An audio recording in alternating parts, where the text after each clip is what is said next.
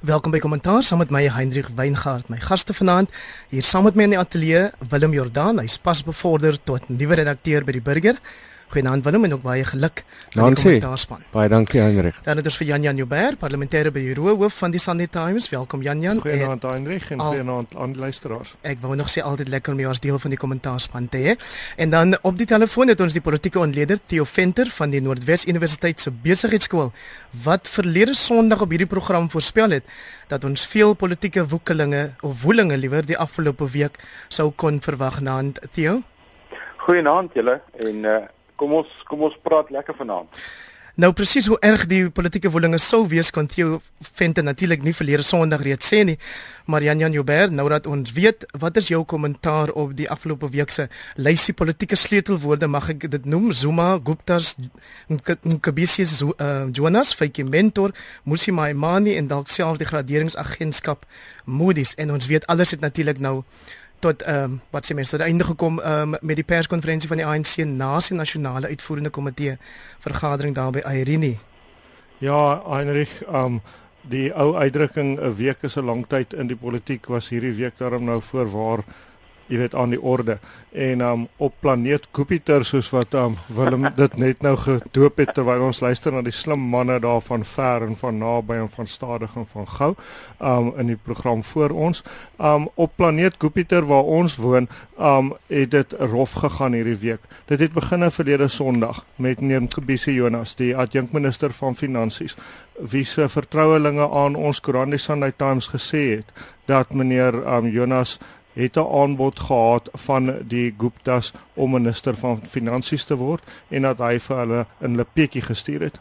Hy is toe nie die enigste een nie. Um toe kom Dinsdag en mevrou Faitjie Mentor, die vorige voorsitter van die ANC se caucus hier in die parlement en 'n voormalige voorsitter van die portefeulje komitee oor uh, oor openbare ondernemings het um 'n baie gedetailleerde spul aansprake begin maak in 'n Facebook gesprek met meneer Johan Abri die die alman daai uit Limpopo waarin sy in detail vertel het hoe dat sy die huis van um die Guptas besoek het hoe dat daar vir haar 'n aanbod gemaak is dat sou sy vir hulle die um die die um vliegtuigroete na Indië gee sou sy minister van openbare ondernemings word. Dit was so 7 tot 10 dae voordat daar 'n kabinetskomming plaasgevind het. Ook sy En dit is die wonderlike ding van hierdie week, het die regte ding gedoen en vir hulle gesê nee wat, nee dankie, ons maak nie so nie. Toe het um ons gehad in die parlement die um volgende stel vrae aan die president waar die DA uitgeloop het en die EFF glad nie teenwoordig was nie. En dit dink ek is werklik van die swakste stukkies um werk deur die oppositie in 'n lang tyd. Jy laat nie die president om nou maar sommer net God se water oor God se akker te laat loop en op sy eie te wees nie. Toe loop die week aan en ons um, sien 'n oplaaiende spanning met die hele Gupta ding wat erger en erger word. Dit loop uit op die nasionale uitvoerende komitee vergadering van die ANC in Irene of soos sekere van ons se vriende dit noem irony ironie. Ehm um, waar daar sogenaamd oor eenheid gepraat word, maar op die ou end ehm um, dink ek is maar weer daai ou storie wat ons al dikwels in die program gehad het. Dis so 'n eend wat oor die water gaan. Dit lyk of hy rustig gaan, maar skop skop skop skop skop so onder langs. So dit was waarskynlik aan die orde hierdie naweek. Die ondersteuners van meneer Zuma, soos ons altyd verwag het, het die meerderheid stem gehad in die nasionale uitvoerende komitee, maar meneer Zuma se posisie word swakker en swakker. Laastens Heinrich is 'n lang inleiding, maar dit was 'n besige week. Um is dan nou vandag eweneens in ons koerant in die Sunday Times sê meneer Temba Maseko, sekerlik die eerlikste mens of een van die eerlikste mense en sterkste mense met wie ek nog in my loopbaan gewerk het. Voormalige hoof van die Gautengse Onderwysdepartement, voormalige direkteur-generaal van die Departement van Openbare Werke en voormalige kabinetswoordvoerder sê in baie groot detail hoe dat hy deur die deur die president aangesê is om na die Guptas te luister. Hierdie is 'n belangrike verwikkeling. Reguit gesê is jy moet die Guptas help en hoe dat hy die Guptas op 'n manier na hulle bietjie gestuur het wat regtig mooi is. Dis bietjie erg om aan te haal op 'n gesinsprogram, maar die van julle wat ons koerant gesien het, sal sien wat 'n pragtige woorde het hy gebruik om vir daai mense presies te vertel wat hy van hulle dink. Theo Venter nou ja, ehm um, Jan Jan het begin met 'n klomp kontsla Maar Gwedi Mantashe die ANC se sekretaris-generaal is baie duidelik daaroor dat die bedanking van president Jacob Zuma glad nie eens ter sprake was by hierdie NEK vergadering nie. Ja, ek dink um, dit was ehm, 'n um, baie interessante perskonferensie en ek wil miskien net vir Jan Jan sê daai woord wat hy nie oor 'n gesinsprogram wil sê nie, dink party mense is die heel eerste woord wat ooit in Afrikaans gebesig is, maar kom los los hom nou maar daar. Die die ehm um, aan die einde van die perskonferensie reg aan die einde het meneer Montas iets gesê wat ek dink die mees betekenisvolle was van hierdie hele hierdie hele poging want dit was maar eintlik 'n klein bietjie van 'n van 'n van 'n skerm storie om om om uh uh, uh vir meneer meneer Zuma te beskerm en op 'n manier tegnies te wees oor goed. Maar reg aan die einde toe sê hy in Khoza toe sê hy die takke sal seëvier En dit was vir my die heel belangrikste van hierdie hele gesprek binne die NEC in die afgelope week en die afgelope 2 weke en meneer Zuma se posisie. Is dit bring 'n sekere duidelike prentjie na vore. Meneer Zuma as 'n mens in die, in terme van al die sport wat ons op die oomblik sien, die perskonferensie moes beoordeel sou ek gesê het meneer Zuma het die ronde gewen, maar sy traject is afwaarts. Meer dan? Ja, ek sou grootliks saamstem daarmee en hierdie perskonferensie wat nou plas, pas plaasgevind het. Um laat ook 'n bietjie die aandag verskuif na presies wat wat gaan nou gebeur. Um nou syne dat die ANC ook nie van Zuma ontslaag gaan raak by wyse van 'n DA geleide mosie van wantroue in die parlement nie.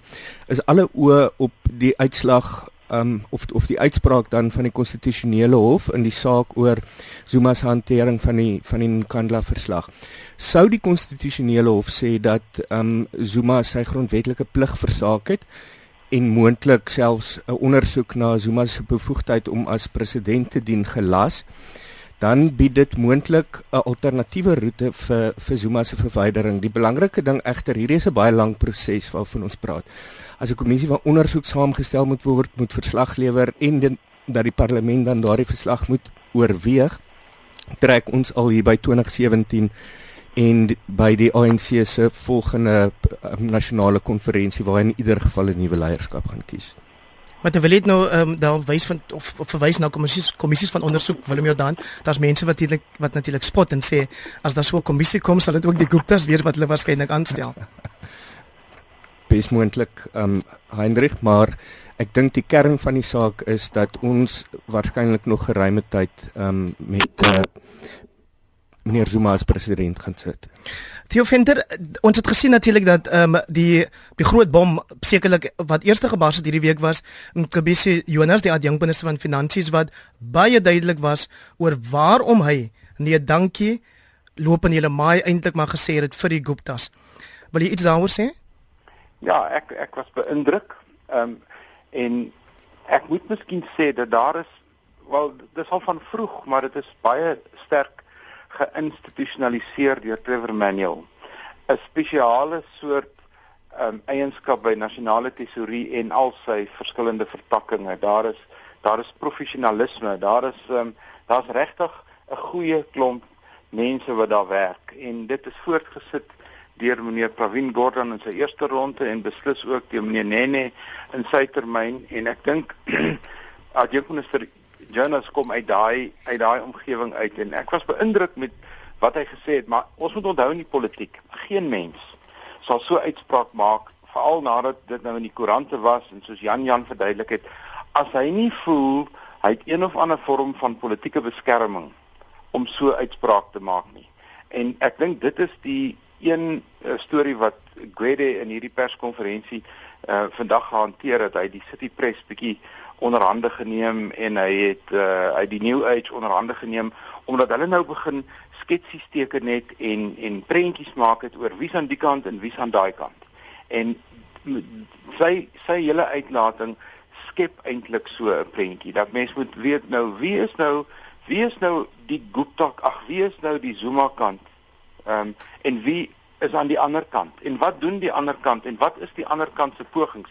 En nou lyk dit asof mense wat ehm um, meneer Zuma ondersteun toenemend begin sê en ek het dit gehoor nou die dag in 'n lang onderhoud wat die SAIK gehad het met die premier van ons provinsie Supra Mai Mapelo dat hulle sien dit nou weer as 'n soort komplot van 'n swak georganiseerde klein groepie in die ANC wat die media misbruik. Dis dis hulle siening van die prentjie.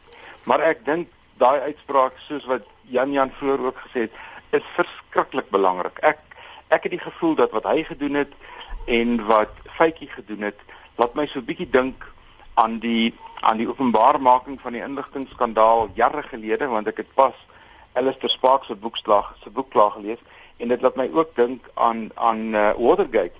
Al twee hierdie groot goed het begin met sulke klein uitspraakies van minder belangrike mense wat die moed van hulle oortuiging gehad het om iets te begin sê. Nou weet ons ook dat ehm um, een van die ander verwikkelinge natuurlik was die steek wat Faitjie Mentor gegee het na die Gupta's hierdie week. Jan Jan Joubert, jy het met haar onderhoud gevoer hierdie week en wat ek nie sien in jou artikel vandag nie is wat het sy in die eerste plek daar gaan doen? Ja, dit staan eintlik daar Heinrich. Um sy het gegaan, sy het 'n oproep gehad die aand voor die tyd. Um en sy het vir lank probeer om met die president 'n uh, afspraak te kry want sy is bekommerd oor die intellektuele eiendomsreg van die Korrelbed reaktor, die um die uh, kernkragreaktor en sy het vir lank probeer om die president daaroor te sien want sy is bang ons intellektuele eiendomsreg gaan na Westinghouse toe die Amerikaanse uh, maatskappy. Um so dis hoe dit daar gebeur het, maar as ek vinnig oproep van wie sê jy? Um oproep gekry, um wel, dis wat sy nie wil sê nie. Jy moet nou onthou um laat sy gaan waarskynlik hof toe geneem word hieroor. Nou een ding van Faitjie Mentor voordat sy 'n politikus was, was sy 'n argivaris en sy doen haar navorsing. Ek was nou daar gewees by haar huis vir 'n lang tyd Vrydag. En daai vrou is voorberei. Sy's voorberei. En as jy wonder of sy nie voorberei is nie, vra van Bolelo Goniwe wat het geword van sy werk toe hy gewaag het om aan kan die lyne in te kleer. Maar kan ek Heinrich net vinnig aansluit by wat Theo gesê het en twee goed sê in verband met die huidige magsbalansgoeters en die toekoms um, waarna Willem ook verwys het. Die eerste is dat waar Supra Mohammed Mapelo wat ek baie bly is nie ons premier is nie Matthieu Ellison, um dat dat um dat waar hy nou wel reg is is dat geen een van hierdie mense wat 'n uitspraak gelewer het kan nou eintlik gesien word as die grootste vriende van Jacob Zuma nie. En indien die president nou vandag in die stof gebyt het, wie sou nou in sy plek gekom het? Sou dit dalk meneer Cyril Ramaphosa gewees het? Wat miskien sit sonder die nodige stemme binne die ANC en dis hoekom meneer Mantashe sê die takke moet besluit met ander woorde hulle laat die ding oor staan tot 2017 in die in die ja, leierskap verkiesing nê. Nee. Kom ek gee net vir Jan Jan jou ekskuus Theo, laat ek net gou vir Willem Jordani inbring want in sy koerant gister het Dawie 'n rubriek geskryf waarin hy sê terwyl hy gevroeg word op oor die vraag of president Zuma herroep moet word as partyleier is daar 'n uh, aanhaling van die einste president Zuma wat dalk rigting kan verskaf en Willem jy dit verwys na die herroeping van president Mbeki vroeër in, in 2000 Wag net 'n oomblik, hy kan ek net sê oor Dawie, um, net vir die mense buite die Kaap. Dawie is 'n bietjie soos die Bybel vir die mense van die Wes-Kaap wat die burger lees en dit is die anonieme rubriekskrywer van die burger wat vir jou sê wat die burger dink en wat die burger dink in die Wes-Kaap maak saak. En Dawie moet bitter oud wees. Willem Jordan sê vir ons hoe Dawie dink oor hierdie saak? Um, Heinrich die, die die punt wat gemaak is in in daai rubriek is dat toe president Jacob Zuma in September 2008 aangekondig is het dat um, president Thabo Mbeki herroep word, het hy die beginsel aangedui in terme waarvan die herroeping dan nou geskied en hy het gesê baie spesifiek dat indien iemand se optrede die vertroue in die ANC um, sou benadeel het die ANC as regerende party eintlik geen ander keuse as um, om op te tree nie. Nou is dit interessant nê om te sien dat um sedert die verkiesing in 94 waar die ANC so 62,2% gekry het, het president Mandela en meneer Mbeki daai steen geneem tot um 69.7% in 1999. Met ander woorde, bykans wel omtrent 7 persentasiepunte wat dit gestyg het in 2004. In 2004. En na 2004 toe um meneer Zuma aan aan bewind gekom het, het hy meer as 7% 7 persentasiepunte afgestaan om die ANC te neem na 'n historiese laagtepunt van 62.2%, die laagste vlak van steen sedert die ANC aan bewind is. So dan moet 'n ou vra as daardie beginsel wat president Zuma opgehaal het oor skade aan die party doen en skade doen aan die vertroue wat die party geniet op homself van toepassing gemaak moet word wat sou dan die uiteinde daarvan gewees het? Ja. Nee dit is 'n baie dit is 'n baie belangrike punt maar ek wou ehm um, ook vir Jan Jan iets gevra het wat vir my ehm um, in die loop van die week oralster uitgestaan het en dit is al hierdie ehm um, senior regeringsamptenare, kabinetslede, adjunkministers wat na Saxonwold toe ry om met die Guptas te gaan praat. Is dit 'n soos soos wat ek die besigheid van die regering ken, gaan sakemanne na die regering toe. Jy gaan besoek 'n minister. Dis vir my min dat ek kry dat ministers privaat mense gaan besoek soos wat hier lyk my die die gevestigde praktyk is of lees ek dit verkeerd? Wel, miskien gaan sien hulle die regering, nê. Nee. Um miskien is die regering deesdae in Saxonwold en dis die punt wat gemaak word. Maar een dingetjie um wat ek net wil um, wil bylas Heinrich is dat um as ons kyk na hoe hierdie ding gaan uitspeel dan is dit belangrik dat ons kyk na waar lê die waar lê die mag en wat is die prosesse wat binne die ANC gevoer gaan word. Want dit is binne die ANC wat meneer Zuma besleg gaan word of nie. En die slegte argument wat 'n mens nou hoor eh, van binnekant die ANC die afgelope dag of twee en Theo het nou nou daarna verwys as komende van daai premier van hulle is laat daar's nou so 'n tipe van 'n komplot aan die ja. gang ja. en allerlei dinge en dinge en soos hulle in die Kaap sal sê wat wat wat wat maar dit kom nie by die punt uit nie die punt van die saak is nie die tydsberekening van hierdie gebeure en die openbaar maak daarvan nie dit is die gebeure self so die mense in die ANC soos Betabile Dlamini die leier van die vroue liga groot ondersteuner van Jacob Zuma wat en nou sê ja ja wel as jy die verskil tussen die twee hoe genaamd kan kan sien wat wat wat moeilik is. Dan sal ek sê, um dit is die gevaar wat ons nou loop in die argument binne die ANC, is dat dit gaan algaande meer gaan oor wie is nou die komplot ensovoort eerder as oor die substansie van die saak. Wat het hier gebeur? Hoe het dit gebeur dat sogenaamde state capture plaasgevind het en wat beteken dit? As ons dit kan laat vorentoe gaan, gaan daar 'n oplossing kom, maar ek dink nie dit gaan maklik wees nie. As ek miskien net daar kan byvoeg, ek bedoel die, die gebruik van die term komplot is is in sigself insiggewend want hierdie soort um mededinging vir mag binne 'n 'n bepaalde politieke party is eie aan die demokrasie. En dit is ja. as as as dit bestempel word as 'n komplot, um, dan vertel dit 'n storie op sy eie. Willem kom ek vra jou sommer, die president was baie duidelik daaroor in die parlement hierdie week dat hy in beheer is van die regering, dat hy aanstellings maak ingevolge die grondwet. En dan is dit daarbey ook interessant dat meneer Gwedi Mantashe vroeër in die perskonferensie gesê het dit sal die ANC net eers regtig waar bekommer as hierdie sogenaamde kaping van die staat oorspeel of eintlik um jy weet 'n uitwerking het op 'n uh, sogenaamde kaping van die ANC as regeringsparty. Ja, ek dink is 'n klein bietjie 'n poging tot skadebeheer wat daar aan die ja, werk is ja. want ek meen is nou in 'n ligter lyn maar Tembo Maseko het ook getweet as jy as jy al die mense wat al by Saxon World was om aanbiedings daar te gaan kry bymekaar moet bring dan sou die FNB stadion in Johannesburg waarskynlik te klein wees om almal te huisves. Die venter? Ja, nee, ek is ek is bevrees ons het ons het hierde interessante ding en ek was bevoorreg geweest om ek dink Jan Jan was ook daar by Mangaung om te sien hoe hoe uh Zuma die tweede keer herkies word met 'n uh, met 'n sluit wat hy elke keer 75%, 74%, 73%. Jesse Duarte selfs onbestrede verkies. En op daardie selle sluit, met ander woorde die lysie van van voorkeur, het ehm um, is die NEC saamgestel, die nasionale uitvoerende komitee. Met ander woorde sonder om vreeslik somme te maak, kan 'n mens die afleiding maak dat 75% van die nasionale uitvoerende komitee was ten minste in 2012 Zuma ondersteuners en as jy nou die ex officio lede byvoeg wat omtrent nog 'n 20 of wat is, dan dan is dit duidelik dat meneer Zuma se steun op hierdie geweldige belangrike besluitnemingsorgaan van die ANC is oorweldigend. Dis tot so 'n mate so dat iemand vir my die week gesê het diep diep binne in die ANC wat gesê het as ons môre 'n verkiesing in die ANC moet hou sal ons weer vir meneer Zuma verkies.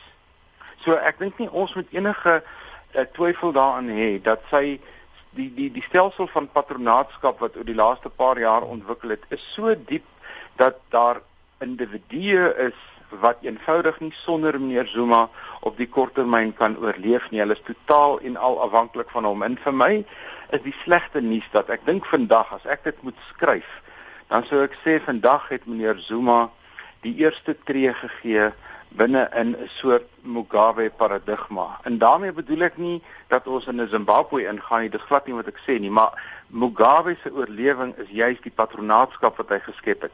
Dat hy wil dalk al afgetree het op 93, maar daar's soveel mense wat afhanklik is van hom om te oorleef wat hulle laat hom nie toe nie. Ja, Janie Merk kan ek ook van kortliks reageer. Twee uitsprake vandag in rubrieke of artikels in die City Press. Een Monty Makanya wat sê dit sal 'n wonderwerk wees as president Zuma dit maak tot by die ANC se 2017 leierskapkonferensie en Rapule Tabani wat sê op die kort termyn sal dit die die Guptas eerder as die president wees wat aan die verloorkant is want hy sal dalk nou gesien wil word dat hy sy afstand van hulle behou. Ek stem meer saam met Rapule se stelling as saam met die um, stelling van Mondli. Um in dat um soos wat ons nou 'n paar keer al gesê het op die program en ook vanaand, die um die alternatiewe tot meneer Zuma is nie so duidelik nie. So ek dink die ANC moet hom nou maar daar hou want hulle het nie eintlik iemand anderster nie. Maar ehm um, ek stem saam met wat Rapule gesê het ook en dit is dat ehm um, ons gaan wel dink ek 'n geweldige sterk ehm um, aggressie het teen die Guptas. Wat ek nie um, wat ek dink mense baie versigtig voor moet wees is um, wat as as ons begin sê ons is in 'n Mugabe um paradigma. Ek weet wat jy bedoel Theo, maar ons moet versigtig wees dat mense nie dink o, vet, nou is ons in ons kanon in nie. Ja, dis nee, nee, dis nie die bedoeling daar nie. Um dit is wel so dat 'n klomp mense van van meneer Zuma se goedheid afhanklik is. Um maar ek dink net mense moet nou kalmeer, nie elke keer wat daar 'n NK vergadering is dink hier kom nou groot dinge met die val van die president nie. Hy gaan waarskynlik daar bly tot 2017 of 2019 maak vrede daarmee. Want intussen Willem Jordan sê Dr Dr Piet Kroukamp wat ook 'n gereelde uh, deelnemer aan hierdie program is, daar is letterlik duisende soortgelyke obskure karakters soos die Guptas wat vanaf die kabinet tot die laagste regeringsvlak 'n bestaan voer deur hierdie patronaatskap waarna jy ook verwys het. Dis 'n baie baie belangrike punt. Ek meen die Guptas is nou uh, redelik in die nuus en uh, al die fokus is op op hulle, maar sou die sou die Guptas uh, môre Suid-Afrika verlaat, staan daar 'n ry ander aanspraakmakers om 'n soort van spesiale verhouding met die met die pres, president te vestig en Jan Jan het nou daarvan daarna verwys dat daar 'n klomp mense is wat van ehm um, die president se goedheid afhanklik is. Dis baie duidelik dat die president ook afhanklik is van ehm um, 'n klomp ander invloedryke en ehm um, wel ryk sakemense se in in aanhalingstekens goedheid. Kom ek vra dan vir jou Theo Venter om net uh, vir ons 'n uh, laaste gedagte te gee oor hierdie dilemma. Behoort die kinders van politici toegelaat te word om in besigheid te gaan of nie want dis ook 'n kwessie wat nou by 'n perskonferensie ter sprake gekom het en een van die prominente figure hier natuurlik is president Zuma se seun Dudu Zani. Nee, in beginsel in beginsel kan politici se kinders in besigheid ingaan. Daar's daar's geen probleem in beginsel nie, maar die probleem kom waar die waar die uh, korporatiewe bestuursbeginsels oorskry word wanneer jy in besigheid met jou pa is of wanneer jy jou pa of dan 'n senior politikus begin betrek by jou besigheid. Ons het sulke voorvalle onder apartheid gehad. Ons het sulke voorvalle al dikwels gehad. Dit is een van die grootste kwelpunte wanneer jy 'n politikus is, is hoe kry jy afstand en hoe maak jy seker dat jou naastes of jou kinders nie bevoordeel word deur jou posisie nie en dit vra wat my aanbetref 'n bepaalde persoonlikheidsingesteldheid en dit vra professionalisme en dit vra geskooldheid en ek dink nie meneer Zuma het een van daai drie nie. Jan Jan Joubert dink hierdie openbare beskermer se ondersoek na hierdie verhouding tussen die Guptas en ander met die president of die regering kan ons naderbring aan 'n oplossing? Nee, wat want dit gaan nie afgeloop wees teen die tyd wat um advokaat Madonsela se se termyn uitloop teen Oktober nie. Die horlosie wys 24 minute oor 8 en jy luister na kommentaar hier op RSG 100 tot 100 104 FM saam met my Hendrik Weingart en my gaste vanaand Jan Jan Joubert, Willem Jordan en Theo Venter. Nou ook op internasionale gebied Theo Venter het daar natuurlik hierdie afgelope week heelwat plaasgevind. Een storie byvoorbeeld is die dat die president van Rusland Vladimir Putin uit die bloute aangekondig het dat hy nou sy troepe uit Sirië gaan onttrek. Ja, dit was 'n baie groot verrassing en dit het vir almal as 'n verrassing gekom. Maar ek dink 'n mens moet dit sien teen die agtergrond van hierdie geweldige vlugtelingkrisis wat Europa op die oomblik beleef, vlugtelinge wat uit Sirië pad gee via ag via Griekeland en Turkye en dis meer in Europa probeer inkom en dan die vredesproses wat daar op die oomblik aan die gang is rondom Sirië en ek dink daar's drie redes hoekom Putin gedoen het wat hy gedoen het. Onthou, hy is betrokke by Sirië op 'n soort van 'n afgeskaalde basis. Hy probeer die regering van Bashir al-Assad probeer hy aan die gang hou, maar ek dink hy het ook 'n verpligting teenoor die vredesproses, nie omdat Putin 'n goeie ou is nie. Hy het 'n verpligting vanweë die feit dat Rusland is in resessie. Rusland het op die oomblik junk status, dit waaroor ons bang is, hy het dit. Rusland soek toenadering tot Saudi-Arabië van die olieprys het deur die mat geval soos ons almal weet en hy moet nuwe markte ontgin vir die olie wat hy het en ek dink hy wil Sirië verplig om konstruktief tot die vredesamesprekings te kan deelneem sodat sy verpligtinge in Sirië minder word en nie meer word nie. En ek dink dis 'n breë trekke waarom die uh, aankondiging so 'n verrassing was. Maar jy's reg Sirië was die groot nuus die vlugtelinge in Europa die ander nuus saam met die Britte wat moet besluit en dan natuurlik ek wil dit nie bespreek nie, maar net noem meneer Trump storm voort en ons sal eers langer oor hom moet praat, maar dit lyk hy is deel van ons toekoms. Maar daarom ook Hillary Clinton hè. Nou as ek um, uh, wil hom net vir jou kan vra om dalk net vir veilig stil te staan daar by die Rusland uh, Putin geval. Ehm um, jy het jou eie gedagtes daaroor? Ehm um, Heinrich dit, dit lyk vir my asof ehm um, Putin se tydsberekening met hierdie ding so is om sy aankondiging presies te laat saamval met hierdie nuwe ronde van onderhandelinge wat in volgende week in tot die 24ste Maart in in in Genève eh, gevoer word. Nou ek meen dit plaas hierdie groepering van van Assad op opponente in 'n unieke soort van posisie omdat ehm um, hulle nou nie meer eintlik die die opsie het om die onderhandelingsprosedure te te ignoreer of om met 'n nuwe stel eise vorendag te kom nie want hulle vernaamste eis en dit is dat dat Rusland ophou um met die aanvalle op um die oppositievestings is nou eintlik vervul. So daar is die moontlikheid dat hulle meer inskikkelik sal wees. Dan laat dit Assad ook um iets wat swakker rondom die onderhandelingstafel omdat hy nou die boodskap gegee het dat hy nie op Rusland se onvoorwaardelike steun kan kan staatmaak nie. Moontlik is hy dan ook iets wat meer inskikkelik om om tot 'n tot 'n vergelyk te kom. Um op Amerika is dan daar ook dalk druk om die een of ander soort praktiese werksverhouding met met Assad te te begin vestig. So ek dink wat volgende week voorlê gaan baie interessant wees. Ja, Janjo Berenda, is dit natuurlik sodat baie mense vrees dat die internasionale gemeenskap dalk selfs meer probleme gaan hê as Donald Trump die president word soos wat hulle nou met Assad en ander het. Maar intussen gaan die dienende president van Amerika, eh, Barack Obama of het hy reeds in Kuba aangekom? Ja, kyk, ek dink dis nou 'n man desperaat op soek na 'n erfenis, nê. Nee. Um uit 'n totale nalatenskap. O oh, ja, wel jy weet Nobelpryse deesdae is ook nie meer wat hulle was nie, maar um maar kyk, um hy kan nou seker sê um hy daai gesondheidsplan van hom deurgevoer wat ek hmm. Persoonlik dink 'n vreeslike goeie idee was nie. Maar hy is in Kuba, hulle gaan nou probeer om die vredespyp te rook, maar dan dit skakel ons en jy dankie tog Heinrich dat jy nou vir my daai vraag gevra het want ek wil dan net dit sê oor meneer Trump. Logies gewys, daai man gaan die grootste nederlaag ly wat 'n republikein gelei het sê dit minstens 1964 met Barry Goldwater en vra jou hierdie logiese vraag af. Ek besef daar's nou dele van die land wat vreeslik opgeklits raak oor meneer Trump. Maar gaan hy een staat wen wat meneer Obama nie gewen het nie tog seker nie. Hy kan net verder en verder verloor. Raak rustig mense en almal van julle wat familie het in Amerika, laat dit tog nou teen die man stem, maar ek dink ons kan maar regmaak vir mevrou Clinton. Theo vind dat jy tog maar vra, um, die besoek van president Obama aan Cuba het te doen met die herstel van verhoudinge tussen die eilandstaat en die magtigste land in die wêreld. So, ehm um, sien jy dat daar beter daarvoor lê of kan dit juis weer terugbeweeg na die ou dae wanneer ons 'n nuwe president in die plek van Obama sien?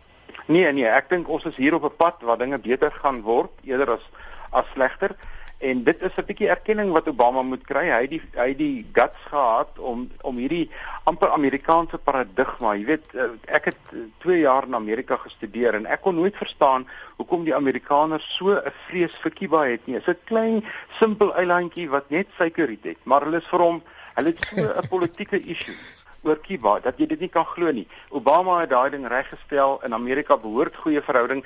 Cuba is 'n wonderlike vakansieoord en dit is wat dit gaan word. Die Amerikaners gaan hom oorstroom, hulle klaar begin en ek dink Obama konsolideer maar net wat hy begin het daar.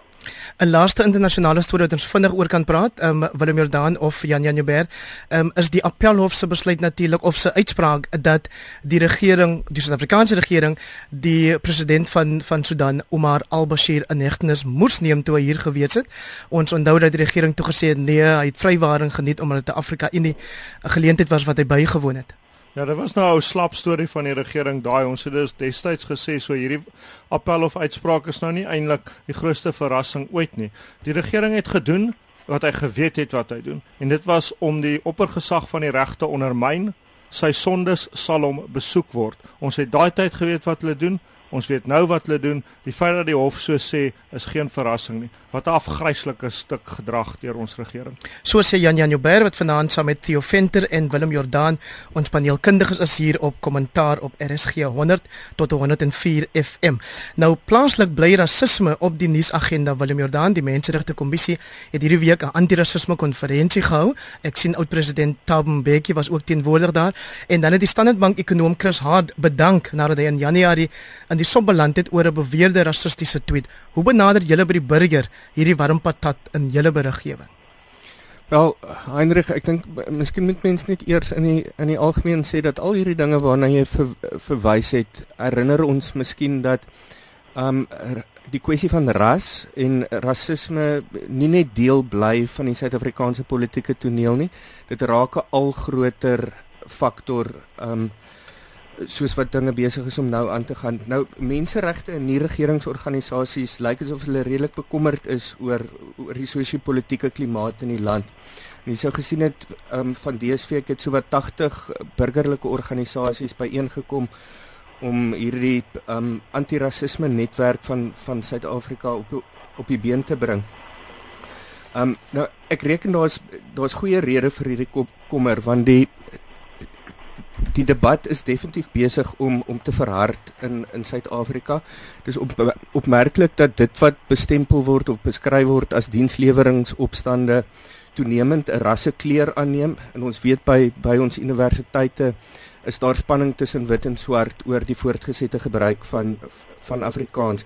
Nou terselfdertyd is daar redelik min aanduidings dat dat ons politici die nodige genuanceerdheid aan die dag lê om hierdie debat um in 'n beter rigting te stuur. Trouwens, dit lyk asof hulle baie gretig is om die situasie uit te byt vir vir redelike siniese politieke gewin. Nou, wat ou verder bekommerd maak is twee faktore um wat in die nabye toekoms kan kan veroorsaak dat hier 'n soort van veldbrand ontstaan wat baie moeilik is om om te staai.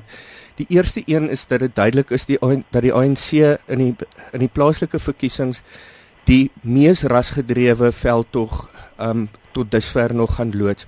Tweedens en dit is miskien um veral betrekking op ons kampusse is dat dit vanjaar die 40 jaar herdenking is van van die um Soweto opstande oor die gebruik van Afrikaans in skole. En ek dink politieke partye gaan baie hard op kampusse inbeweeg rondom die gebeure van 16 Junie 1976 om politieke gewin te maak en dit maak mense bekommerd. Jan Jan Joubert, is jy ook bekommerd want jy weet in die jaar 2000 is daar reeds 'n aksieplan of 'n nasionale aksieplan teen rasisme opgestel waarvan daar weinig gekom het. Ja, kyk, um soos wat ons altyd sê, jy weet daai rasisme besluit is in 'n groot mate 'n persoonlike besluit. Jy kan nie vir enige iemand anders reguleer oor hoe hulle oor ras moet dink nie. Maar ek ek wonder daarom, um ek sien dikwels dat mense sê hierdie jaar se um verkiesing gaan die sterkste rasgedrewe um poging van die ANC wees, maar ek wonder tog of dit wel gaan gebeur want ons sien eintlik van ANC kant relatief min daarvan. Ek sê relatief min want hulle is maar geneig om die rastamboer te slaan. En ek wonder net of hulle nie dan daai hele argument weggee aan die EFF nie. Terwyl kyk van die DA se kant af gaan dit nie kom nie van die ANC se kant af dink ek sal dit baie onwys wees om 'n veldtog daarop te hardloop. Um veral omdat hulle hulle steun gaan hulle verloor meerendeels na die EFF kant toe. Dis duidelik die DA gaan nie vreeslik vordering maak in die verkiesing nie. So ek kan nie sien dat dit slim sal wees vir die ANC om so 'n veldtog te hardloop nie. Dit sê nie hulle gaan dit nie doen nie, maar ek sou hulle afraai. Theo Venter, ek wil nie dat ons dit 'n pol partytetiese bespreking maak nie. So sê jy eerder vir ons as iemand wat gereeld uitgaan om praatjies en aanbiedings te doen by sê nou maar die boeregemeenskap of in die sake gemeenskap, wat is die boodskap wat jy oordra as dit kom by die kwessie van rasisme? Rasisme het twee komponente.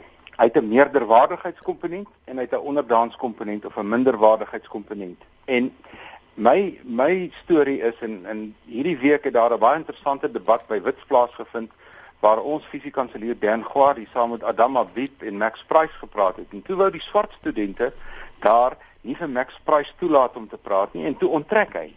En toe Dan Guardi opgestaan en teen die wil van die klomp swart studente gesê om vir te sê hulle is 'n klomp rassiste want swart mense kan ook rassisties wees. So die my boodskap is kom ons bestuur die polarisasie in hierdie land afwaarts.